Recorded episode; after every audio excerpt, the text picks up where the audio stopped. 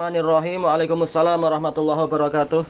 Tentang masalah pertanyaan, apakah orang yang meninggal karena COVID-19 termasuk mati syahid seperti yang disebutkan dalam hadis, terjadi perselisihan di kalangan ulama.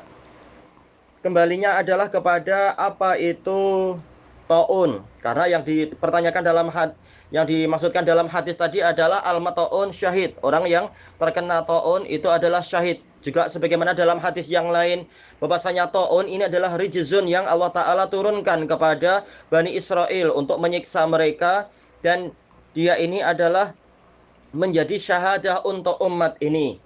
Cuma para ulama berselisih pendapat, apakah taun itu wabah secara umum, wabah secara umum ataukah dia wabah yang khusus? Yang mengatakan dia wabah secara umum berarti COVID karena dia adalah wabak juga, maka dia masuk dalam pembahasan ini. Tetapi yang mengatakan bahwasanya ini bukan wabak secara umum, tapi ini adalah wabak khusus, yaitu penyakit yang terkait dengan perut. Yaitu ada penyakit yang parah yang menimpa perut atau yang lain. Dan ini lebih kuat yaitu bukan menimpa perut, tetapi dia itu adalah penyakit yang seperti yang Anda jelaskan, Anda nukilkan dari para ulama, dia adalah penyakit yang menimbulkan luka-luka yang sangat parah, terutama di lipatan-lipatan badan, di ketiak, di ketek, atau mungkin di siku, atau di ujung-ujung jari, di sela-sela jari, dan seterusnya, dan di beberapa bagian tubuh yang lain.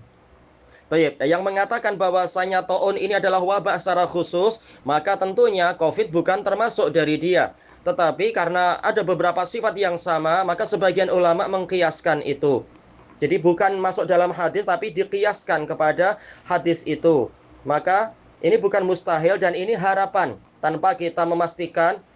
Tetapi apa? Ini harapan bahwasanya COVID itu boleh dikiaskan kepada taun sehingga karena ada beberapa sifat yang sama di situ eh, sehingga diharapkan orang yang ter, meninggal dunia karena COVID maka diharapkan dia mendapatkan pahala syahadah juga. Walaupun syahadah sendiri bertingkat-tingkat. Wallahu a'lam walhamdulillahi alamin.